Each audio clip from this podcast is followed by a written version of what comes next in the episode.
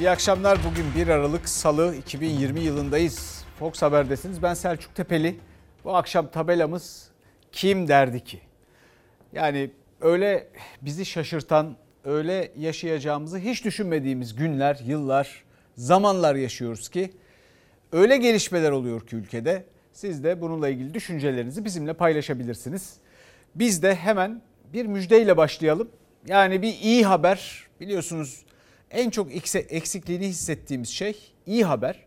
Aşı ile ilgili ilk iyi haber geldi. 11 Aralık'tan itibaren Türkiye'de aşılama başlıyor ve Aralık ayı içinde 20 milyon aşının Türkiye'ye gelmesi planlanıyor. Aşı Çin aşısı ama şimdi aşı düşmanlığının lüzumu yok.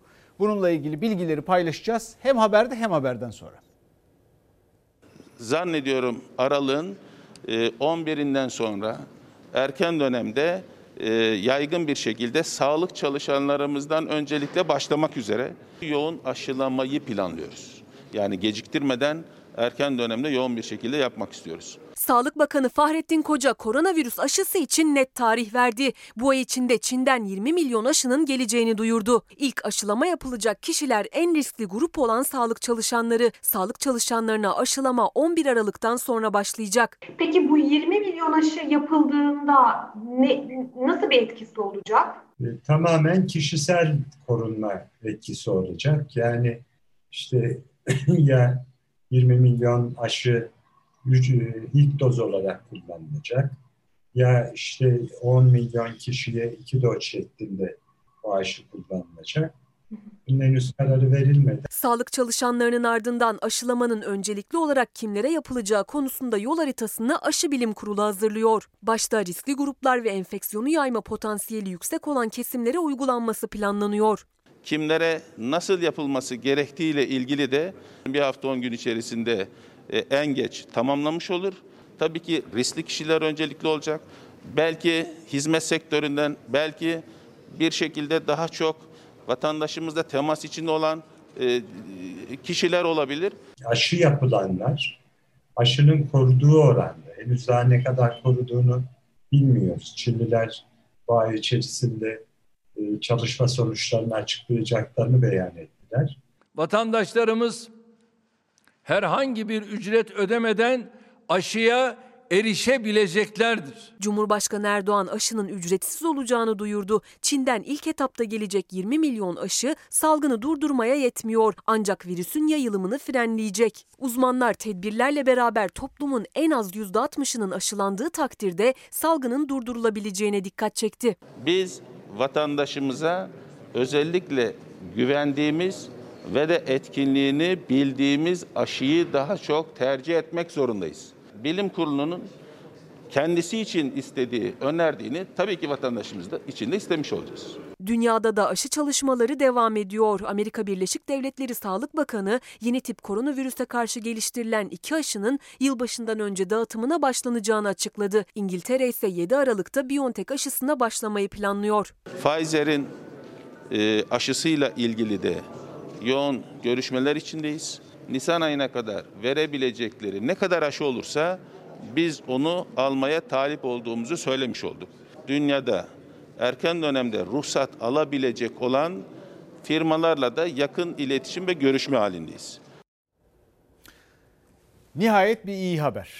Bununla ilgili kafaların karışık olduğunu da farkındayım. Fakat size birkaç bilgi vereyim, paylaşayım sizinle. Bir defa bunun uzmanı değiliz. Dolayısıyla uzmanlara kulak vermekte fayda var.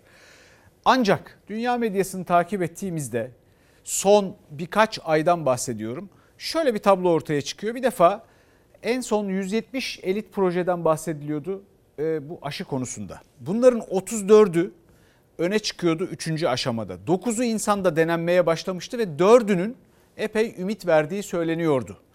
Bu 4'ü zaten şu anda en çok konuşulan aşılar ve bunlardan bir tanesi bu Çinli. E, eski usullerle üretiliyor.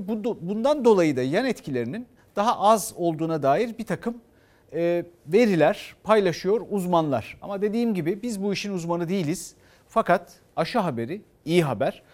Bu arada bu aşıların bedava olacağını açıkladı Cumhurbaşkanı Erdoğan. Bu aşıların derken neyi kastettiğinde tam olarak bilmiyoruz. Çin aşıları mı yoksa Onun dışında Avrupa'dan ya da Amerika'dan gelecek aşılar da mı öyle olacak göreceğiz. Ama en azından bu aşının ücretsiz yapılacağını biliyoruz. Fakat şimdi bir de yeni bir tartışma başlayacak. Çünkü toplumun %60'ının aşılanması lazım bir salgının önüne geçmek için. Oysa bunu zorunlu yapamazsınız çünkü anayasaya aykırı.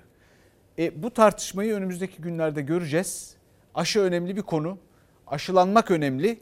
E, bu arada da zannediyorum zorunlu yapılamayacak ama nasıl olacak? Çünkü %60'ımızın da aşılanması gerekecek. Bakalım neler olacak? Şimdi bu arada tedbirler var. Biliyorsunuz bir takım tedbirler alındı ve açıklandı dün akşam. Ancak tedbirler konusunda da bir tartışma var. Acaba bu tedbirler yetecek mi?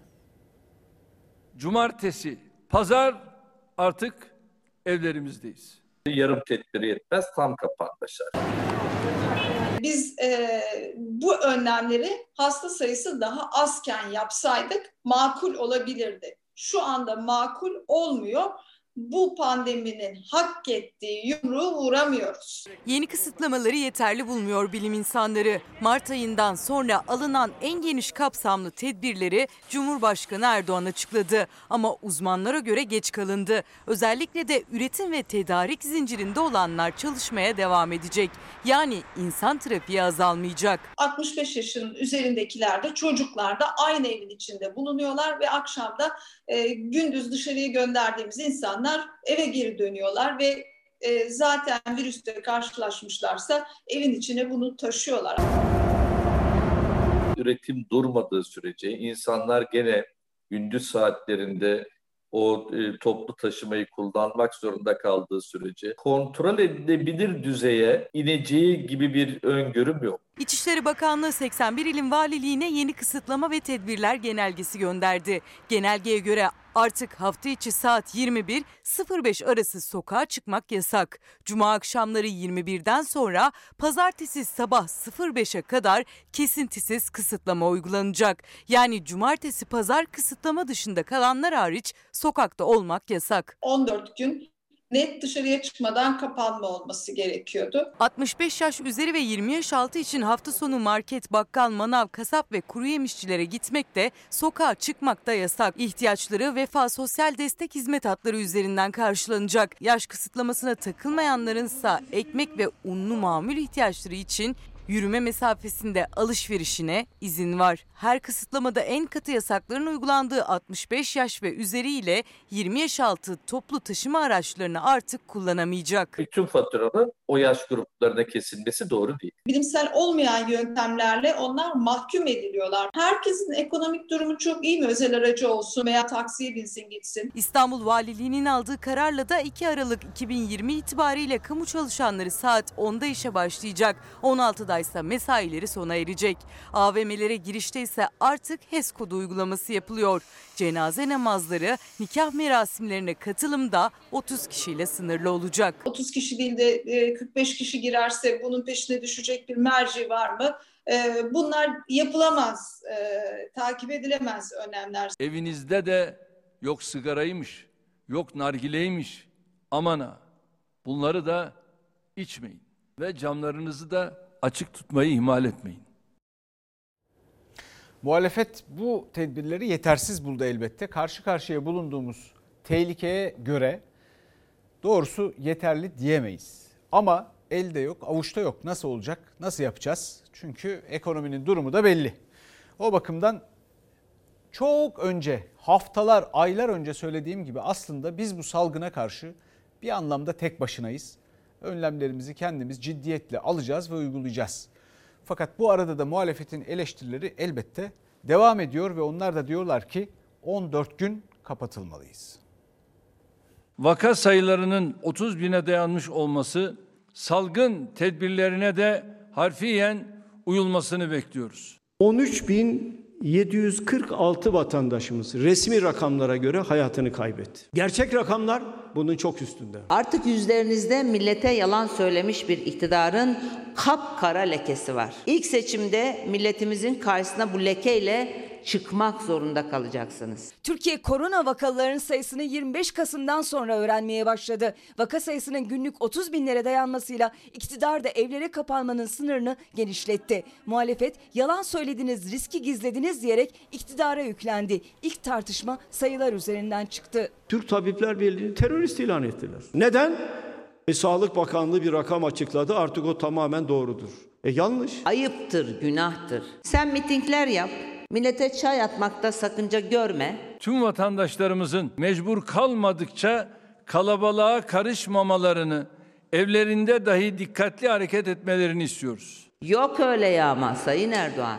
Ekonomiyi damadının, pandemiyi de vatandaşın üzerine yıkıp bu işten elini yıkayıp çıkamazsın.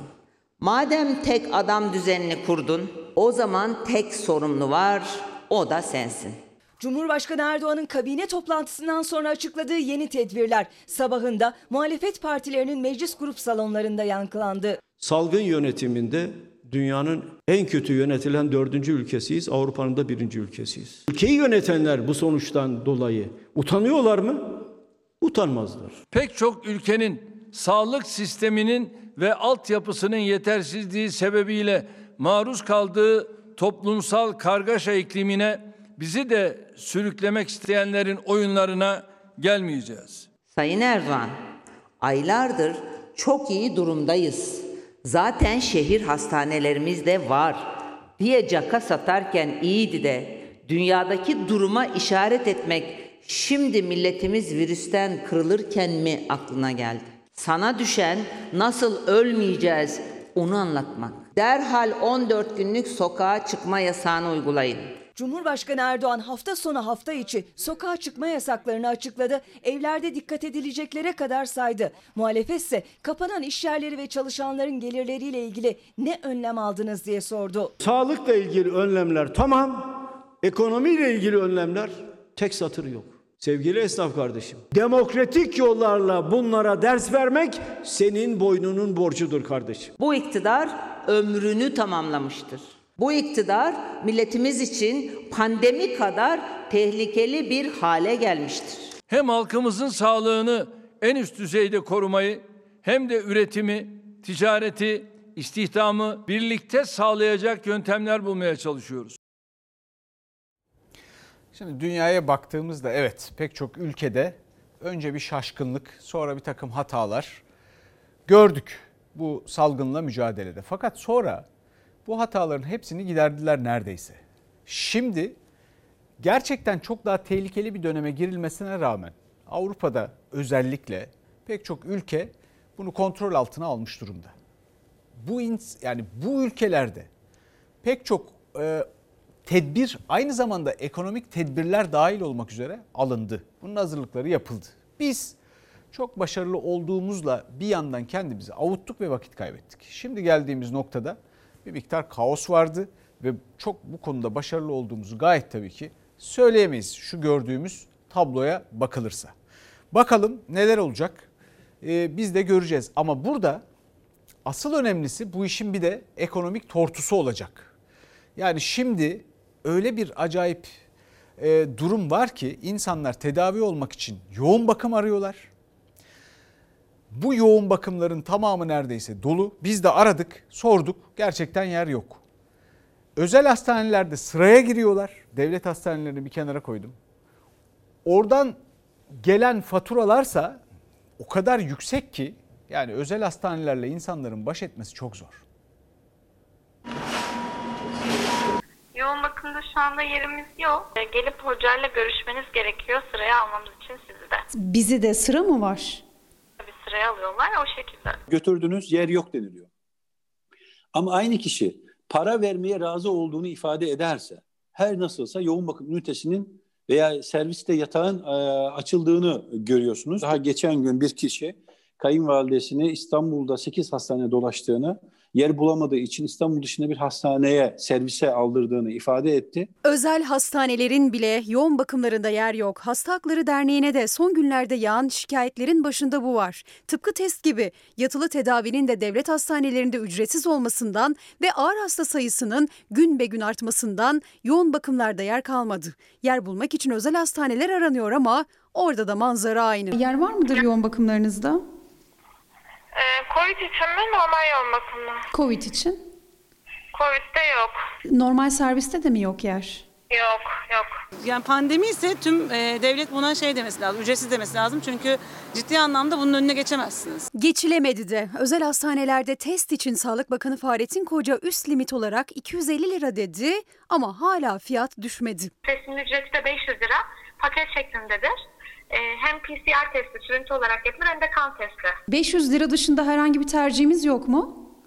500 lira içerisinde yani 500 lira sabit ücreti. Kim o hastayı para ödemediği için hastanesine almıyorsa, teşhis etmiyorsa aslında suç işlemiş bir kurumdur, bir kişidir. Hasta Hakları Aktivistleri Derneği Başkanı Orhan Demir'e göre 250 lirada pandemi sürecinde yüksek ücret. Çünkü bir kişinin test olmasıyla bitmiyor ve tek bir testle de tamamlanmıyor süreç. 4 kişilik bir aile olduğunu öngörün 250 lira bile alınsa asgari ücretin yarısı civarında sadece teşhis için ücret ödemiş e, oluyor bu kişi. Test ücreti şikayetleri sürüyor ama bir başka kritik isyan da yoğun bakımların dolu olması. Serviste yatak olmadığı için bir hastanın hayatını kaybetmeyi göze alabilir miyiz?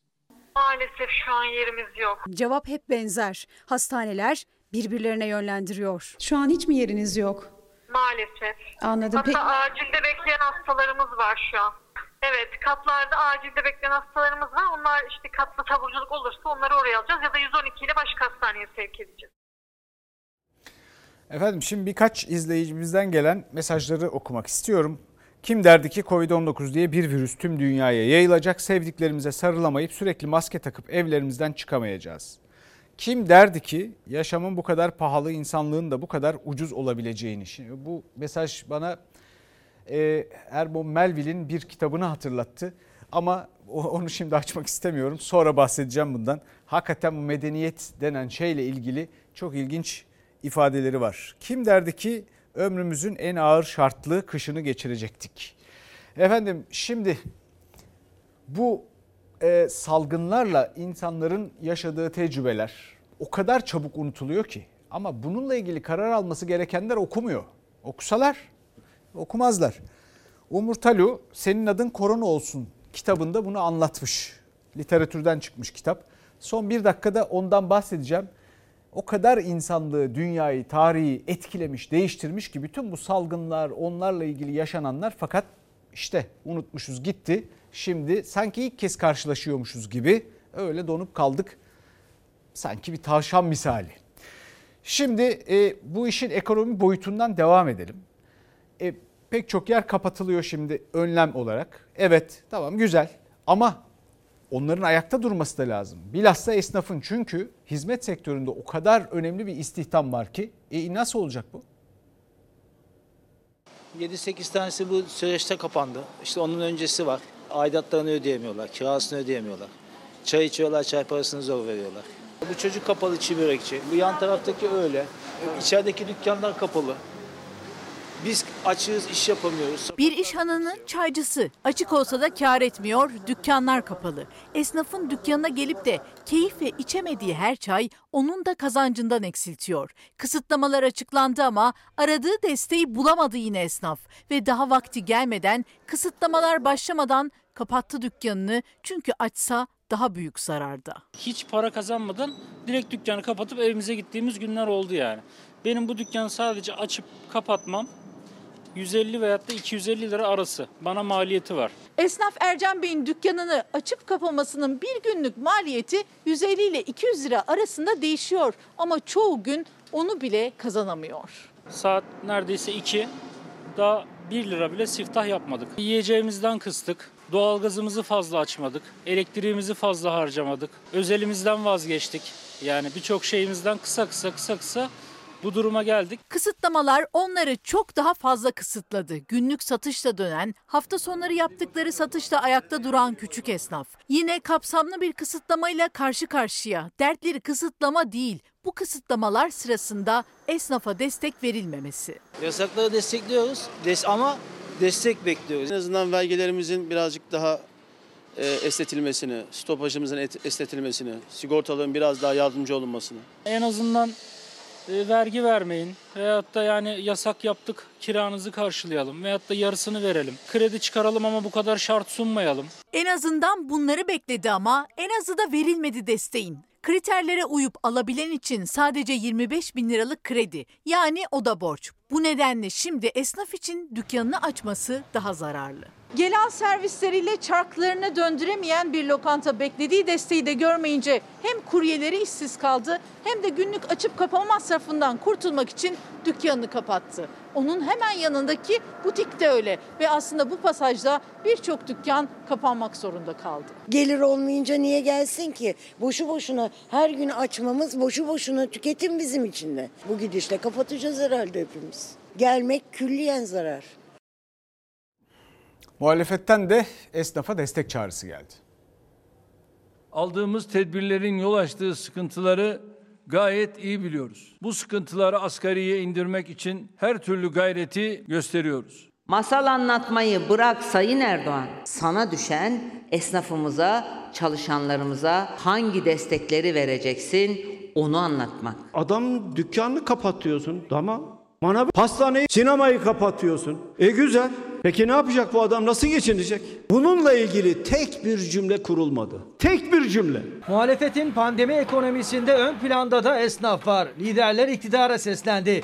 Esnafın dükkanı kapalı, borcu çok, destek yok. Esnaf nasıl ayakta kalacak diye sordu. 383 bin iş yeri kapanacak. Aileleriyle beraber 2 milyon 100 bin kişi işsiz kalacak. Kapatıyorsa devlet bu talimatı veriyorsa sosyal devlet olarak ona o geliri sağlamak zorundadır. Esnafımıza 6 ay süreyle aylık 2000 lira destek ödemesi yapılsın. Esnafımızı ferahlatmak için yaptığımız bu öneri Cumhur İttifakı'nın oylarıyla reddedildi. Siyasi ranta gelince topa giren Sayın Erdoğan esnafa gelince ıslık çalmayı tercih etti. İktidarı esnaf için adım atmamakla, esnafın durumuna seyirci kalmakla suçladı muhalefet. CHP lideri Kılıçdaroğlu, Katarlı bir şirketin ödemelerinden yapılan 90 milyon dolarlık indirimi hatırlattı. Yabancı firmaya var da neden esnafa yok diye sordu. Bir Katar firması için bir kalemde 90 milyon dolar indirdiler. Peki esnaf kardeşim senin vergini indirdiler mi? Bu 90 milyon doları sana verselerdi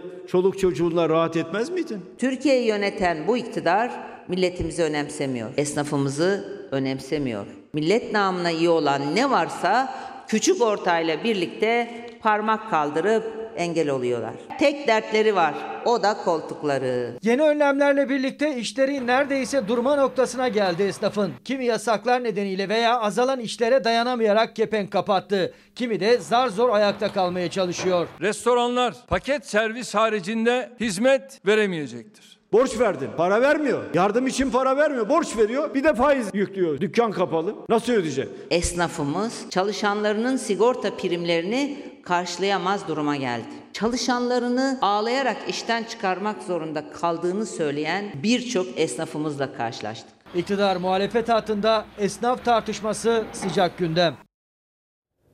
Muhalefetten bir öneri de Meral Akşener'den geldi. Şu anda biliyorsunuz bunun pazarlıkları neler olacak, nasıl olacak? Asgari ücret tartışması sürüyor. 3000 Türk lirası olsun dedi Meral Akşener.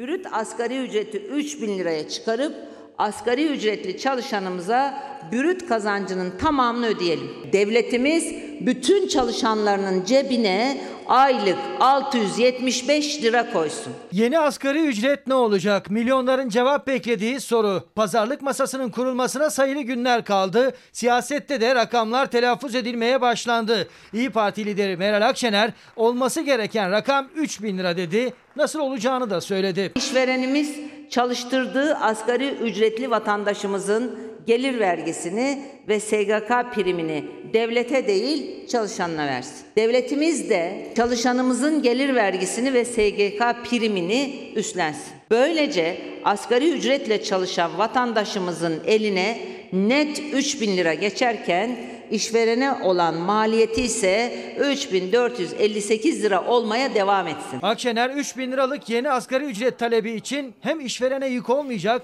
hem de çalışanın kazancını artıracak formül için kaynak da önerdi. Önerimizin bütçeye maliyeti 71 milyar lira. Peki bu maliyet neye karşılık geliyor? Mesela nedense bir türlü vazgeçemediğiniz Katar İstanbul projesinin düşünülen maliyeti 195,5 milyar lira olacak. Bizim asgari ücret düzenlememiz Katar İstanbul projesinin üçte biri kadar.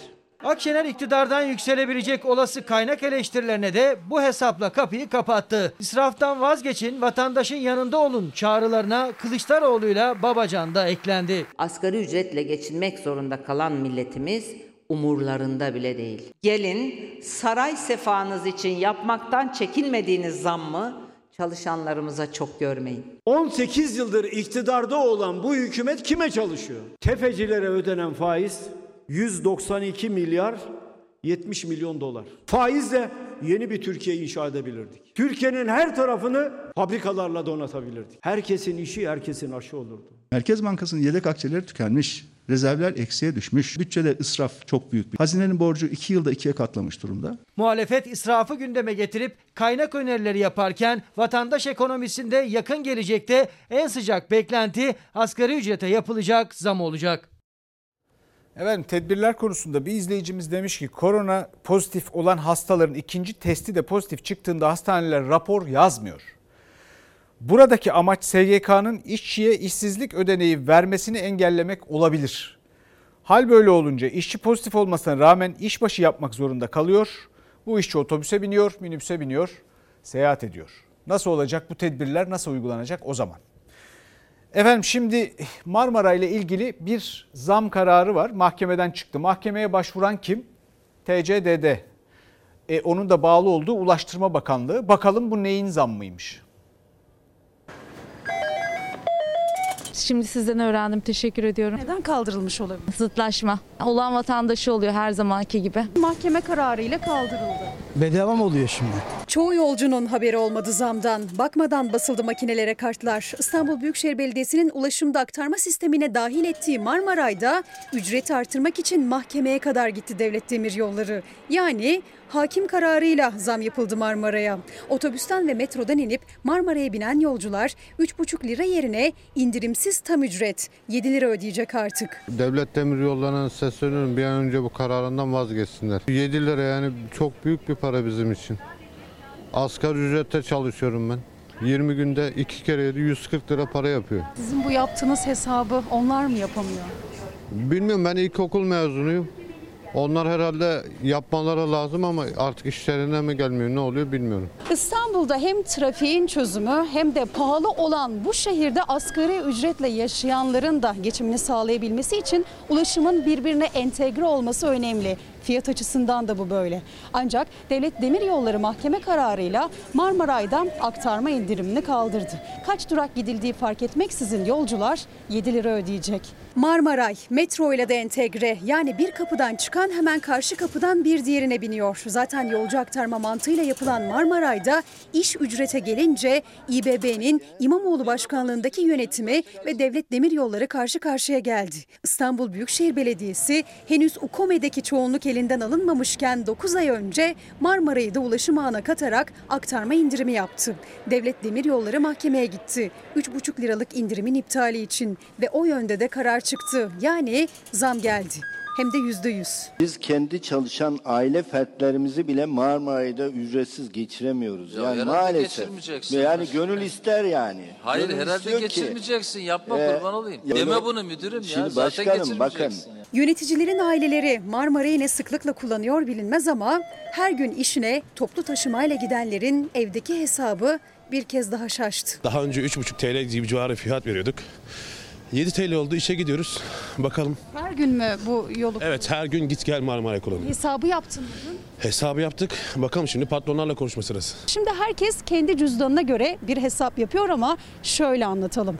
Metro ve otobüslerden Marmara'ya binildiğinde aktarma indirimi artık yok. Ancak İstanbul Büyükşehir Belediyesi açıkladı. Marmaray'dan çıkılıp metro ve otobüslere binildiğinde bu indirim hakkı devam edecek. Benim için çok büyük. Ben çünkü çalışmıyorum. Umarım düşer. Şimdi Ulaştırma Bakanlığı ve Devlet Demir Yolları'nın şu mahkeme kararıyla yüzde yüz zammına iki çift laf etmek lazım. Bakalım siyasi uyum neredeymiş? Yetkiyi eline alan merkezi yönetim, yerel yönetimle neden böyle hır çıkarıp insanların 3,5 lira verirken aktarma indirimi de olmaksızın 7 lira vermesine yol açmış. Bir izleyicimiz diyor ki o kadar iyi açıklamış ki durumu. Eskiden yöneticilere, politikacılara bildiklerimizi anlatmaya, bilgilerimizi onlarla paylaşmaya çalışırdık ki onlar da doğrusunu bilsinler, doğrusunu yapsınlar. Çünkü sorunun örneğin planlama ve şehircilik alanında doğruyu bilmemek olduğunu düşünürdük. Yakın zamanda fark ettim ki sorun doğruyu bilmemek, anlamamak, görmemek değil. Aslında ortada yöneticiler açısından bir sorun da yok. Onların farklı bir ajandası var, onu uygulamaktalar. Başarı ölçütleri de bizim sistemimizin dışındaki bir değer ve yargı sistemi içinde belirlenmekte. Dolayısıyla ne desek boş oluyor. İşte burada bakın başka bir değer sisteminin içinde belirlenmekte diyor ya izleyicimiz. Bu o kadar önemli ki. Bakın laiklik bu yüzden lazım. Mesele sadece din devlet işlerinin ayrılması değil. Hangi değer sisteminin içinde o farklı ajanda belirleniyor ve onlar nasıl hallerinden memnunlar? Bu zam buna gidiyor işte. E o zaman böyle düşünüyorlarsa, fırsat eşitliği yoksa, iktidarda kalmak her şeyse ve bu ülkenin hepimizin paylaştığı ortak değerleri onların değerler sistemi değilse o zaman buradan biz nereye varacağız? Nereye varacağız? İşte o zaman ne lazım? O zaman onları değiştirmek lazım. Yani bu yöneticiler kiminle değişecekler? İktisadi İdari Bilimler Fakültesi öğrencileri 500 bin mezun sayısı veriyorlar. 90 ülkeden fazla bu. Yani onlar yapamayanların yerini alacak. Fırsat eşitliği olacak. Bu ülkenin değerlerini, Türkiye Cumhuriyeti'nin değerlerini hepimiz paylaşacağız. Ama bakalım öyle oluyor mu, olacak mı? Şimdi bakın Ulaştırma Bakanlığı bu zammı yaptı. Ulaştırma Bakanlığı başka nelerle uğraşıyor? Tem otoyolu mesela Trakya tarafında Kınalı'ya kadar bir asfaltlama çalışması yapıyorlar şimdi. Niye yapıyorlar? O yolun asfalta ihtiyacım var. Belli değil. Bir de afişler asıyorlar sürekli. Oysa o yolun Hadımköy ile Kınalı arasında 3. şeride ihtiyacı var. 3. şerit için yer de var ama yapılmıyor. Niye? E çünkü bir Kuzey Marmara otoyolu var. İnsanlar öyle iddia ediliyor ki ben bilemiyorum. Öyle de ümit etmiyorum. İnşallah öyle değildir ama oraya itilmeye, yönlendirilmeye çalışılıyor diye. Ya bu olur mu? Bu olur mu? Eh bu arada da orada bir yandan o var bir yandan da İstanbul'un çöp kamyonları Kınalı'ya doğru gidiyor. Günde 250 kamyon. Yani öyle bir masraf ki bunun aylık masrafı 100 milyon Türk lirası. O kamyonlarla o çöp taşınacağına boş işlerle uğraşan, zam yaptırmaya uğraşan devlet demir yolları kendi demir yolundan o çöplüğe kadar o tırların taşıdığı çöpü taşısa ne olur? Ne olur? Çok mu paramız var bizim? Yollarda döküyoruz, harcıyoruz. Ayda 100 milyon Türk lirası. İstanbul Büyükşehir Belediyesi'ni de ilgilendiriyor. Bununla ilgili bir açıklama bekliyorum. Aynı zamanda da trafiği sıkıştırıyorlar. Nasıl oluyor? Turuncu kamyonları biliyorsunuz koca tırlar. Bir bakın onlara. Efendim şimdi Katar polemiğine gelelim. Biraz sakinleşeyim bu arada. Ee, bu e, haberi verelim de sonra konuşalım. Bu anlaşmadan sonra Türkiye Varlık Fonu'nun Borsa İstanbul'daki payı yüzde 80,6'dır. Bay Kemal bunu öğren. Vah vah vah. Ne kadar önemli bir bilgi verdi. Ya zaten dünya alem biliyor bunu. Yeni öğrenmiş birisi vermiş eline notu.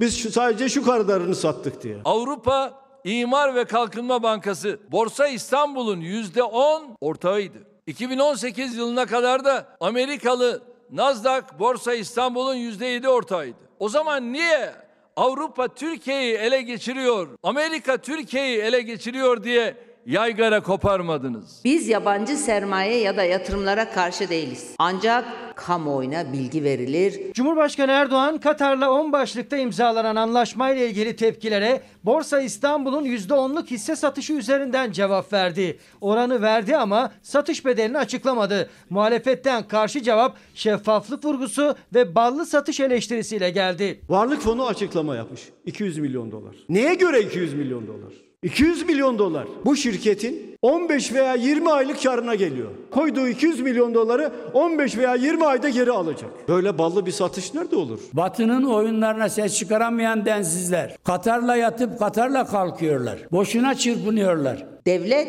ticari sır maskesinin altına saklanamaz. Katar Yatırım Otoritesi 40'tan fazla ülkede 400 milyar dolardan fazla yatırımı bulunan küresel bir kuruluştur. Ama dünyanın hiçbir ülkesinde bu yatırımlardan dolayı Katar bizi ele geçiriyor diye zırvalayan kimse çıkmadı. Erdoğan muhalefeti yatırımcı ayrımı yapmakla suçladı. Paranın rengi dini olmaz dedi. Katar düellosu para tartışmasından imzaların atıldığı masada FETÖ tartışmalarıyla ismi gündeme gelen iş insanı Fettah Tamince'nin ne işi vardı sorusuna kadar uzandı. Fettah Tam İnce'nin o masada ne işi var? 17-25 olaylarından sonra Pensilvanya'ya giden kişi. O yoksa yurt dışından kara para getiren birisi mi? Onun getirdiği paralar dolayısıyla ona dokunmuyor musunuz? Para için devletin itibarı sarsılır mı? Erdoğan bunlara cevap verir mi?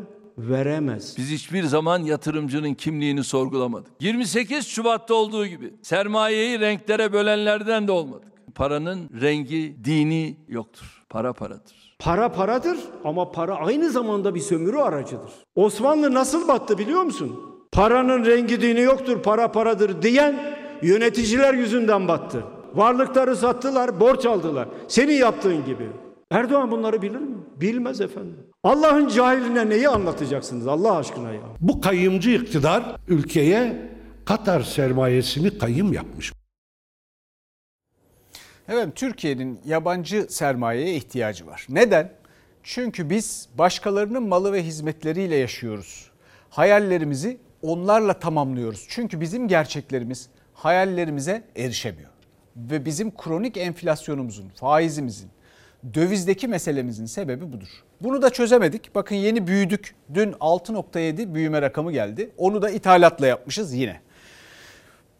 Peki şimdi yeni bir takım e, şeyler yaşanıyor. E, tartışmalar yaşanıyor. Bu tartışmalarda yani bu Katar'la ilgili tartışmalarda sıkıntı orduya kadar geldi biliyorsunuz bu tartışma. Onu şimdi söyleyeceğim ama 200 kadar Türk şirketi her yıl 2006'da, 2016'da, 2017'de el değiştirdi, yabancılar aldı. Çünkü Türk şirketleri sudan ucuz. O kadar ucuz ki ekonominin nasıl gittiğinin göstergesi bu bir yandan. Fakat elbette yabancı sermaye önemli, iyi, güzel. Buradaki sıkıntı şeffaflık olmaması. Bir de bir antipati oluşmaya başladı. Ya bu millette böyle bir antipati oluşması da normal. Niye normal? E çünkü bu ülke bir milli mücadeleyle kuruldu. Öyle Katar gibi butik bir ülke değil ki Körfez'den. Dolayısıyla bunlar yeni neokapitülasyonlar olarak algılanmaya başlandı. Bir çeşit emirlik emperyalizmi gibi algılanmaya başladı da o yüzden etrafta millette bir miktar sinir oluştu. Efendim o yüzden de tansiyon çok yükseldi. Ey bu CHP'nin başındaki zat. Senin milletvekilin kalkacak benim silahlı kuvvetlerine edepsizce, alçakça hakaret edecek ve sen bunu kapıya koyamayacaksın. Ey Kılıçdaroğlu evet ne işte ey bu şu. Sen bırak gevezeliği. Sen FETÖ'yle işbirliği yapıp orduya kumpas kuran başbakan mısın değil misin? Bak söylüyorum bunun hesabını Mehmetçiğine bu denli sahip çıkan bu millet seni asla affetmeyecektir. Sandıklar da seni affetmeyecektir. Madem ordu konusunda bu kadar hassassın sevgili Erdoğan. Kozmik odayı terör örgütüne sen açtırmadın mı? Devletin bütün sırlarını tahsis etmedin mi? Bunu yapana tarihte hain derler. Bugün de hain derler. Yarın da hain diyeceklerdir. Erdoğan ve Kılıçdaroğlu arasındaki gerginliği tırmandıran yeni başlık ordu sözlü ellosuna ittifak ortağı liderler de dahil oldu. Zillet CHP anlayışına diyorum ki askere düşmanlık, düşmana askerliktir. Türkiye Cumhuriyeti küreselcilerin eline, hedeflerine terk edilemez. Ordu üzerinden bize saldıramaz. O ordu peygamber ocağıdır. Mustafa Kemal'in ordusudur. Süleyman Şah türbesinin bulunduğu topraklar bizim topraklarımız. Terör örgütünün isteği üzerine kendi bayrağını indiriyorsun utanmadan. Toprağı terk ediyorsun utanmadan. Sen bana ordudan mı bahsediyorsun ya? Ordusuna hakaret edenleri bu millet affetmez. Millet canının derdinde ülkenin birliğinin sembolü olması gereken Cumhurbaşkanı hala siyasi kavga peşinde. Bıkmadın mı Sayın Erdoğan? Ordu tartışmasının fitilini ateşleyen CHP'li Ali Mahir Başarır'ın katıldığı bir televizyon programında tank palet fabrikasının Katarlara hisse devrini hatırlatması sırasında orduyla ilgili kurduğu bir cümle oldu. Tank palet fabrikası. Değeri 20 milyar dolar. Ordunun elinden alındı. Katar ordusuna verildi. Hiç para alınmadı. Katarlar buna bir uçak verdiler değil mi? O uçağın adı tank paletin rüşveti olarak tanımlanmak zorundadır. Türk ordusuna satılmış demesi bize göre hesabı sorulması gereken şerefsizliktir, kepazeliktir. Suriye'de 36 askerimiz şehit oldu mu? Rusya vurdu. Erdoğan kınadı mı? Hayır. Soluğu Katar Katar gittiler, Moskova'da aldılar. CHP lideri Kozmik Oda'nın açılmasından 15 Temmuz darbe girişimine Süleyman Şah Türbesi'nin taşınmasından 36 şehide kadar eski defterleri açtı. Hedefinde ise Erdoğan vardı. Karşılıklı olarak milli güvenlik sorunu haline geldiğiniz çıkışları yapıldı. Akdeniz'de bir gemimiz arandı. Uluslararası sularda mürettebatı tutukladılar. Aramayı yaptılar. Senden tık yok tık. Milletvekilimizin söyleminin çarpıtılarak kullanılması bu olayın kapatılmasına yöneliktir. Bu zihniyetin başlı başına bir milli güvenlik meselesi haline dönüşmekte olduğunun işareti. Bir ülkenin cumhurbaşkanı bu mal varlığı dolayısıyla tehdit ediliyor ve sonuç alınıyorsa o cumhurbaşkanı milli güvenlik sorunudur. Türkiye'nin önünde bir takoz var. O takozun adı Recep Tayyip Erdoğan'dır. O takozu Türkiye'nin önünden çekip çıkarmak bu milletin şerefli bir görevi olacaktır. SMA hastası yavrularımızın annesi, babası, yakınları biliyorsunuz dün Sağlık Bakanlığı önünde Ankara'da bir gösteri yapmak istediler. E, polis mani oldu. E, bunları yaşayabiliyoruz. O bölgenin önemli bir bölge olduğunu söylediler. Yani Ankara'da anneden, bebeğinden daha önemli nasıl bir bölge olur bilmiyorum ama dünyanın ya da herhangi bir yerinde. Fakat öyle acı bir şey yaşandı ki orada. Bir polis memuru dedi ki demagoji yapmayın. Şimdi bunu dediği insanlardan bir tanesi bu sözü işittikten sonra bebeklerini kaybetti bu insanlar. Yani Ali bebeği kaybettiler dün. Bak ben bir anne olarak ben çocuğumun tabutunu hazırladım Tamam, burada geçmiş ya olsun. anlamıyor musunuz ya siz bizi? Burada oturunca her şey çözülecek. Çözülecek, çözülecek. Lütfen. Ya lütfen demagoji yapmayın arkadaşlar. Ben yapmayın. çocuğum ölüyor. Demagoji yapmayın. Ne demagojisi? Benim çocuğum ölüyor, ölüyor. Ne diyorsun? Vicdanları yaralayan o sözlerin, o tartışmanın yanı başında gözü yaşlı biri. Kucağında bir bebek fotoğrafıyla polisin demagoji yapmakla suçladığı ailelerden biriydi o. Ya o sırada aldı ölüm haberini ya da umutları o anda tükendi. Çünkü kucağında fotoğrafını taşıdığı yeğeni Ali bu tartışma yaşanırken hayatını kaybetti. Ya lütfen demagoji yapmayın arkadaşlar. Arkadaşım Ben yapmayın. çocuğum ölüyor. Demagoji yapmayın. Ne demagojisi? Benim çocuğum ölüyor, ölüyor. Ne diyorsun? SMA tip 1 hastası bebekleri gün be gün gözlerinin önünde eriyor. Ailelerin ise elleri kolları bağlı. Bir umut bir kez daha Sağlık Bakanlığı'na gittiler. 2,5 milyon dolarlık tedaviyi karşılayın demek için. Aldıkları cevapla yürekleri bir kez daha yandı. Ben çocuğum ölüyor. Ne demagojisi? Sıra hangi çocukta? Bilmeden söyledi o sırada çaresiz baba ama sırada Ali'nin olduğu çok geçmeden anlaşıldı. Kalabalığın birkaç adım gerisinde elinde Ali'nin fotoğrafıyla bakanlık önünde sessiz sedasız gözyaşı döken biri vardı. Amcası Ali'nin hayata tutunabilmesi için bakanlık önünde çare ararken Ali hayatını kaybetti. Bizim çocuğumuz melek oldu. Biz sesini duyuramadık. Bizim çocuğumuz bir buçuk aydır kurtarılmayı bekledi. Bireysel kampanya yapıyor aileler. Aslında çok değil. 100 bebek var. 2,5 milyon dolarlık tedaviyle ayağa kalkabilecekler. Ama o seslere kulakları tıkanıyor yetkililerin ve her geçen gün bir acılı aile daha ekleniyor çaresizler arasına. Adıyaman'da yaşayan Bensu Esila Orhan da SMA tip 1 hastası. Ne öpüyor mu?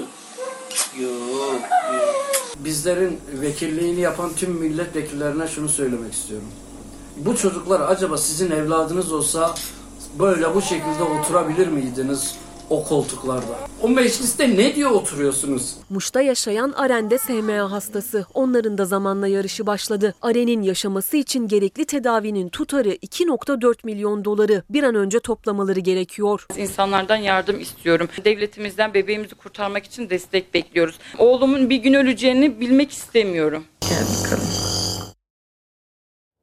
Efendim şimdi çevre değil bir yandan tarihi miras da hedefte artık bu madencilerle ilgili bir haberimiz var. Görüldüğü gibi ağaçlar kesilmiş, iş makineleri çalışır, çalışmakta ve adeta Ziyaret Dağı ağaçlandırma alanı falan edilmektedir. AK Parti hükümeti bu defa gözünü Kapadokya bölgesine dikti. İş makineleri bu kez güzel atlar ülkesi Kapadokya'da. Kanadalı şirket altın aramak için Avanos'ta çalışma başlattı. Antalya Dereköylüler ise antik kalıntılarla dolu yaylalarının kömür ocağı değil sit alanı olmasını istedi. Biz bu taşları, bu eserleri koruyoruz. Kimseye vermeyeceğiz. Hayır diyoruz. Çok var burada. Her yer eser. UNESCO Dünya Mirası listesindeki Kapadokya'nın Avanos bölgesi burası. Özkonak kasabası ziyaret dağı. Aslında bu çorak alanda 5 yıldır ağaçlandırma yapılıyordu ancak Kanadalı bir maden şirketi altın aramak için 7 yıllığına izin aldı ve iş makinalarıyla bölgeye girdi. Çam ağaçlarını kökünden söküp toprakta derin kuyular açtı. Şu anda da kazı yapılan bir kuyunun başındayız. Bu ruhsat Kapadokya'yı bitirmek ruhsatıdır. Kapadokya'ya ihanettir. Ekolojik dengemizin, bölgemizin ekim dikim alanının e, böyle e, maden arama işleriyle e, heder edilmesine asla müsaade etmeyeceğiz. Yöre halka altın madenini durdurmak için imza kampanyası başlattı. Burası Özkonak halkının yaşam kaynağı. Biz bu dağın sularıyla büyüdük. Antalya'nın Dereköy yaylasında da köylüler kömür madenine karşı mücadelelerini sürdürüyor. Tarım cenneti olan yaylada kömür çıkarılmasına onayı Tarım İl Müdürlüğü verdi. Ama o topraklar sadece verimli değil, aynı zamanda tarihi eserlerle de dolu. Bu Dereköy yaylasında aslanlı taş. Biz bunları koruyacağız. Asla tarlalarımızı, tarlalarımızı kömür ocağına vermeyeceğiz. Dereköy antik çağdaki Pisidya bölgesi içinde kalıyor. Şirketin çet başvurusu üzerine Antalya Kültür Varlıklarını Koruma Bölge Kurulu Müdürlüğü yetkilileri bölgede inceleme yaptı. İnceleme sürerken köylü kadınlar da eylemdeydi. Efendim bir reklam aramız var. Efendim bu İstanbul'un çöpünü Silivri'deki dönüşüm tesisine taşıyan kamyonlarla ilgili konu devam edecek. Niye demir yoluyla taşınmadığı konusunda yeni bilgiler, yeni gelişmeler olursa size e, bildirmeye, sizinle paylaşmaya devam edeceğim ben de. Çünkü yani 2 kilometre, 1 kilometre neyse bir ray döşense o kamyonların o yola çıkmasına lüzum yok. Yalnız bir şey düzelteyim. Galiba ben ayda 100 milyon dedim. Şimdi onu düşünüyorum bir yandan da. O yılda 100 milyonluk bir yakıt masrafı demek. Kendi kendimi düzelteyim. Aklıma takıldı biraz önce. Umur Talun'un kitabından bahsetmiştim. Kısaca onu da söyleyeyim. Senin adın korona olsun. Literatür yayınlarından çıkmış. Ben de Daniel Defoe'nun veba yılı günlüğü hissi uyandırdı. 16. yüzyılda Londra'daki veba salgınını 17. yüzyılda yazdığı kitapla bir günlük gibi anlatan yani adeta bir e, çeşit yeni e, yani modern gazete gibi e, tarihe geçen o Daniel Defoe'nun ki Robinson Crusoe'nun yazarıdır biliyorsunuz. Tadını buldum bu kitapta. Çok şey öğrenebilirsiniz ve neleri unuttuğumuzu görebilirsiniz. Şaşırırsınız. Umur Talu harika bir kalem. Onunla çalışmış olmaktan da çok mutluyum vaktiyle. Efendim bizden bu akşamlık bu kadar. Yarın görüşmek üzere.